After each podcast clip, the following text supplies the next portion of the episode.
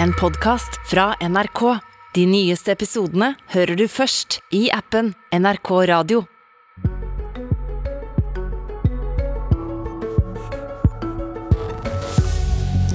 Vi vil sammen med EU møte Russland med en historisk sanksjonspakke. Det sa utenriksminister Anniken Huitfeldt i helgen, og i går bestemte regjeringen at den vil sende norske våpen til Ukraina. Det samme gjør en rekke Nato-land. Putin har svart med å klargjøre sine atomvåpen for mulig krig. Hvem skal trekke i bremsen nå? Velkommen til Politisk kvarter. I går gikk altså regjeringen inn for å sende 2000 norskproduserte M72 pansergjennomtrengende raketter til den ukrainske hær. Utenriks, utenriksminister Anniken Huitfeldt, eh, mer våpen inn i en eskalerende krig, hva kan det føre til? Ja, Det er mange argumenter mot det regjeringen har kommet fram til. Men vi er nå i den mest alvorlige sikkerhetspolitiske situasjonen i Europa siden annen verdenskrig. Det ukrainske folket kjemper en helt legitim kamp, og vi ønsker å støtte dem. Vi støtter dem med sanksjoner. Vi bestemte oss på søndag for å sende militært materiell som hjelmer og skuddsikre vester. Og vi gjør som alle andre europeiske land det er naturlig å sammenligne seg med, inkludert Sverige og Finland. Vi sender våpen, ikke offensive våpen, men våpen som gjør at de kan forsvare seg mot de russiske styrkene. Den russiske presidenten Vladimir Putin sier Russland har klargjort sitt enorme atomvåpenarsenal for krig. Hvor farlig er det hvis eh, Nato involverer seg i denne krigen? Vi ønsker ikke Nato-soldater inn i Ukraina, og vi har gjort det veldig klart. Vi ser nå eh, Putin er presset inn i et hjørne. Han eh, har blitt møtt med store sanksjoner. Det er kollaps i den russiske økonomien, og da kommer han med nye trusler. Det vi bør gjøre, er å støtte Ukraina humanitært. Det har vi bestemt oss fra norsk side at vi skal øke innsatsen. Vi bør vise solidaritet gjennom eh, en sanksjonspakke som vil ramme russisk økonomi svært hardt. Og gjennom den siste beslutningen i regjeringen, så har vi også bestemt å fravike det som har vært hovedprinsippet i norsk eh, eksport av våpen siden 1959, eh, nemlig å tillate eksport av enkelte våpentyper til Ukraina. Og så vil jeg si at Det er jo også motargumenter mot det. Og det har vi vurdert eh, i nært samarbeid med de andre politiske partiene på Stortinget. Jeg gikk til alle partiene på Stortinget på søndag kveld og sa at vi åpnet for dette. Og så har det vært prosesser i alle de politiske partiene i løpet av 24 mm. timer. Og så var det ganske stor oppslutning om det som er regjeringens synspunkt i den saken. Vi hørte jo Jan Espen Kruse i Dagsnytt i 7.30 fortelle at Russland advarer land som sender våpen til Ukraina om at de vil være ansvarlige dersom våpnene brukes mot russiske styrker. Hvordan tolker du det? Jeg tolker det slik at det kommer svært mange trusler fra russisk side nå.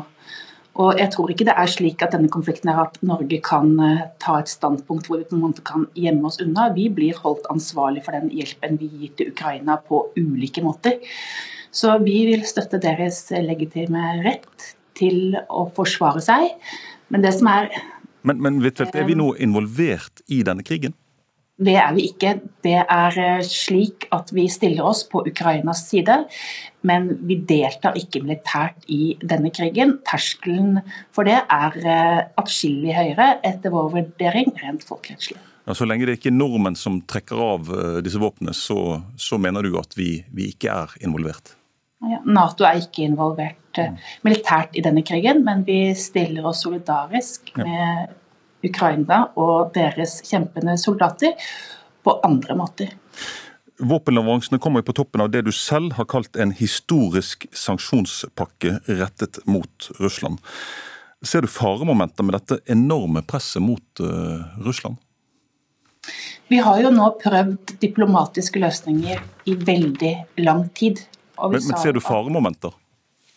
Det må jo alltid være sånn at vi må vise tilbakeholdenhet rent militært. Og nå skal vi ha en stor militær øvelse i Norge som er planlagt. Da er det ikke slik at vi avlyser denne øvelsen for å si at nå må vi eh, vise tilbakeholdenhet, men tvert imot så avholder vi den øvelsen. Men vi innfører det innenfor eh, helt klare rammer i norsk sikkerhetspolitikk, at vi ikke tar allierte styrker for nær den russiske grensen. Så ikke, jeg mener at vi hele tiden må søke diplomatiske løsninger. Mm. Men nå er det slik at alle europeiske land, og de vi har eh, snakket veldig nært med disse dager, er Finland. Og de har også bestemt seg for å sende våpen til Finland. Men det er også motargumenter, jeg kommer gjerne inn på de også. Ja, for Du er ikke redd for at uh, vi presser Putin inn i et hjørne som gjør at han uh, enda mer at han gjør noe svært alvorlig? Jo, men jeg tror ikke en annen norsk holdning til det å sende våpen ville endret på denne situasjonen. Og da er det viktig for Norge å vise solidaritet med andre europeiske land og det ukrainske folk. Og det ville også vært oppsiktsvekkende hvis vi hadde gjort noe helt annet enn andre europeiske land. Og Det som er hovedprinsippet i det som er norsk eksportpolitikk, det er jo at vi ikke sender våpen der krig og krig truer. Men det er også mulig til å fravike fra dette prinsippet i helt ekstraordinære situasjoner. Mm. Huitfeldt, helt, helt, helt til slutt, Huitfeldt. Hvem skal trekke i bremsen nå?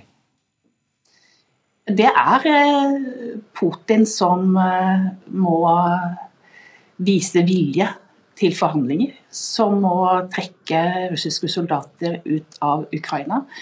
Men jeg mener altså at det ikke er slik at hvis Norge hadde unnlatt å sende våpen, så hadde vi vært i en annen situasjon. Mm. Nå kjemper det ukrainske folk, og vi viser solidaritet med dem på ulike måter. Takk til deg, utenriksminister Anniken Huitfeldt. Du skal videre til et møte klokken åtte. Cecilie Hellestveit forsker ved Forsknings- folkerettsinstituttet ved Universitetet i Oslo. Du mener den norske våpenleveransen til Ukraina gjør oss til medkrigere. Hva mener du med det? Spørsmålet nå er jo hvem kan Russland skyte på? Og når et vetomedlem i Sikkerhetsrådet, som Russland, starter en væpnet konflikt, så avgjøres det spørsmålet om hvem som nå kan skytes på, av gamle regler om nøytralitet og, og medkrigerskap. Og eh, skal vi si, kriteriene for å ikke anses som en som er medkriger, er at man ikke bidrar militært til en av partene. Og Hvis man leverer våpen av en viss eh, type, altså av en viss eh, offensiv kvalitet, som de vi nå leverer. så det vi gjør nå, så eh, betyr det at vi blir medkrigere under denne, disse reglene om nøytralitet. Og Det gjør at da kan Russland under gitte forhold angripe mål i Norge. Så Det gjør at den vanlige beskyttelsen vi har for norsk suverenitet i Norge, den terskelen er nå mye, mye lavere. Det er det det betyr. Mm. Men, men som medlem av Nato så er jo dette sett fra vårt ståsted eh, mer eller mindre usannsynlig. Det vil være, bety selvutslettelse for Russland hvis de går til angrep på, på et Nato-land. Nei, fordi når disse reglene gjelder, så vil det ikke være rettsstridig av Russland å angripe et mål som da er linket til den, den leveransen av militære kapasiteter til Ukraina. Det er ikke brudd på FN-pakten da. ikke sant? Så når vi velger å bli en med, medkriger på denne måten, så oppstår det to spørsmål. Kan Norge beskytte seg selv militært mot en slik, eh, et slikt angrep fra Russland. Punkt nummer én. Punkt nummer to er det politiske grunner til at Russland ikke vil gjøre det, hvis de har på en måte foranledning.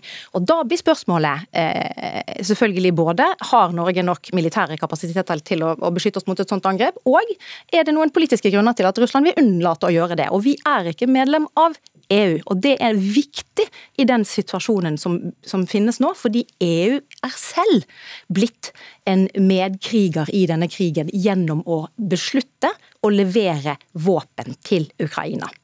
Og Det betyr at dersom Sverige angripes, eller Finland, så vil Tyskland komme på banen.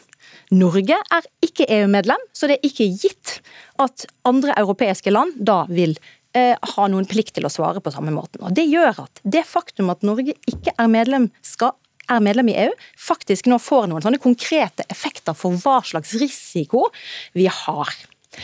Så er spørsmålet ja, men Nato-pakten, da.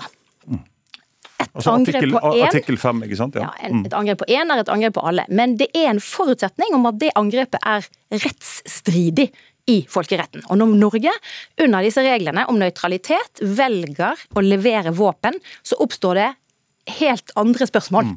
rundt hvorvidt det er rettsstridig. Det er selvfølgelig ikke snakk om at et stort angrep fra Russland på Norge ikke vil rammes av Nato-pakten. Spørsmålet er de mindre operasjonene som eventuelt da vil, vil, krenke norsk suverenitet. Og Der er Norge nå i en mer utsatt situasjon etter at vi leverer våpen til Ukraina. Fordi vi har felles grense med Russland, og fordi vi ikke er et EU-medlem. Mm. Så for Sverige og Finland er dette helt annerledes enn for Norge, mener du? Ja, Det har jo politiske grunner, fordi de er EU-medlem. Og nå leverer Tyskland våpen til Ukraina. Og det gjør også EU sentralt. Og Det betyr at EU faktisk er en, skal vi si, en medkriger i uh, i krigen i, i, Ukraina. Mm. Det betyr ikke at Russland kommer til å angripe EU, men det betyr at terskelen for den form for angrep er mye lavere. Hvilke mål Russland eventuelt kommer til å velge å ta, eller hvilken suverenitet Russland kommer til å, å velge å, å, krenke, det er jo et, et, spørsmål som avgjøres i Moskva. Eh, og Da er det selvfølgelig det siste poenget, at nordflåten til Russland ligger i nord, og der har de fellesgrense med Russland. Så dette kan eh, føre til noen konsekvenser på norsk territorium som vi ikke er vant med når vi deltar eh, i kriger ute i verden. Vi skal se litt nærmere på den andre delen av Vestens eh, press mot Russland, nemlig sanksjonene. Ivar Neumann, du er direktør ved Fridtjof Nansens institutt og ekspert på Russland. Hvordan kommer disse sanksjonene til å virke på Putin og hans regime? De har jo allerede hatt en ganske heftig effekt på rubelen. Eh, det som er innført, gjør at eh, det blir vanskeligere for Russland å delta i internasjonal handel. Man har ikke stengt helt av, og det er delvis i egeninteresse for at man skal kunne gjøre opp for de tingene man gjerne vil kjøpe, som f.eks. gass. Men dette er et slag. Det det også vil føre til, er jo at, eh, at eh, Russland blir desto mer hevngjerrig. Man har jo sagt ganske klart fra at eh, dette er sanksjoner som de mener at de ikke har fortjent. Mm.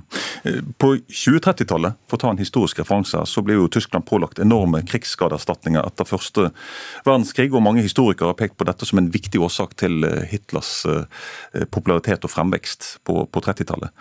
At Tyskland ble, ble presset hardt av de allierte. Er dette en fare her, at Putin blir så presset at, eh, at han faktisk blir mer populær i sin egen befolkning? I tilfellet Tyskland så var det jo en tilbakebetaling på gang, så man fikk jo føle hele tiden at det lille man hadde av kronasje, måtte ut til eh, de maktene man hadde tapt for. Så den parallellen er, er interessant, men skal ikke trekkes for langt. Men eh, det er et helt generelt trekk ved sanksjoner at de menneskene som blir utsatt for det, enten kan samle seg eller bli splittet. Der har man ingen garantier. Så sanksjoner kan jo virke galvaniserende, altså samlende på de menneskene som blir utsatt for dem. Eh, det kan det hende. Altså, denne krigen er så langt ganske populær i Russland, blant, eh, særlig blant eh, ja, altså utenfor borgerskapet i de store byene, blant dem som holder seg med statlige medier som informasjonskilde. Og De vil jo bli rammet av disse sanksjonene, så de vil nok synes at dette er ganske hårreisende. Ja, og Det vil øke deres skepsis til Vesten. Mm. Ja, vi hørte uh, Jan Espen Kruse som jeg refererte her i 2030, som sa at, at uh, nå 68 av russerne faktisk støtter denne krigen. Mm.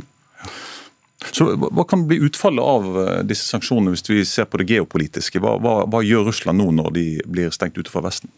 Da vil jeg gå omveien om russisk internpolitikk. Altså, hvis man innfører, I det man innfører sanksjoner, så gjør man det vanskeligere for den økonomiske eliten i Russland å breie seg. Oligarker og andre. Og de som allerede nå er sterke fordi det føres krig, nemlig øh, militæret, efterretningen, de blir sterkere i den interne dragkampen om Russlands fremtid. Det låser seg en situasjon hvor det blir enda vanskeligere å gjøre noe med russisk økonomi. Russisk økonomi har vært Putins akilleshæl hele tiden. Han har ikke lagt opp til noen reformer. Det går dårligere og dårligere i russisk økonomi. Eh, gjennomsnittlig vekstrate fra 2013 til 2020 var 0,55% årlig, så vidt jeg husker. Altså Det er dårligere enn det var før Gorbatsjov. Det står økonomisk veldig dårlig til. Og det er jo eh, fint for Vesten, for sanksjonene gjør at, at det rammer at man føler på kroppen og på pungen eh, at man her har gått til angrepskrig og får en smekk tilbake. Men ulempen er at man styrker de militære og etterretningen, og gjør det vanskeligere for de som vil ha økonomisk reform, å komme frem i russisk politikk. Så det er ikke bare bare å låse russisk økonomi sånn som man gjør nå. Det er rett og slett hemmende for landets fremtid. Også for en utvikling som kunne være i vår interesse. Nå er man helt kort til slutt. Hvem mener du skal trykke på bremsen nå? Russland er angripende part, men det ser ikke ut som Russland har noe særlig hang til å trykke på noe brems. Tvert imot så øker eh, deres eh, trusler. Så jeg synes det er viktig at vi holder døren åpen til at eh, Russland nå får veier ut. Takk til deg, Ivar Neumann, og til deg, Cecilie Hellestveit, forsker ved Folkerettsinstituttet. Mitt navn Ole Reinert Omvik.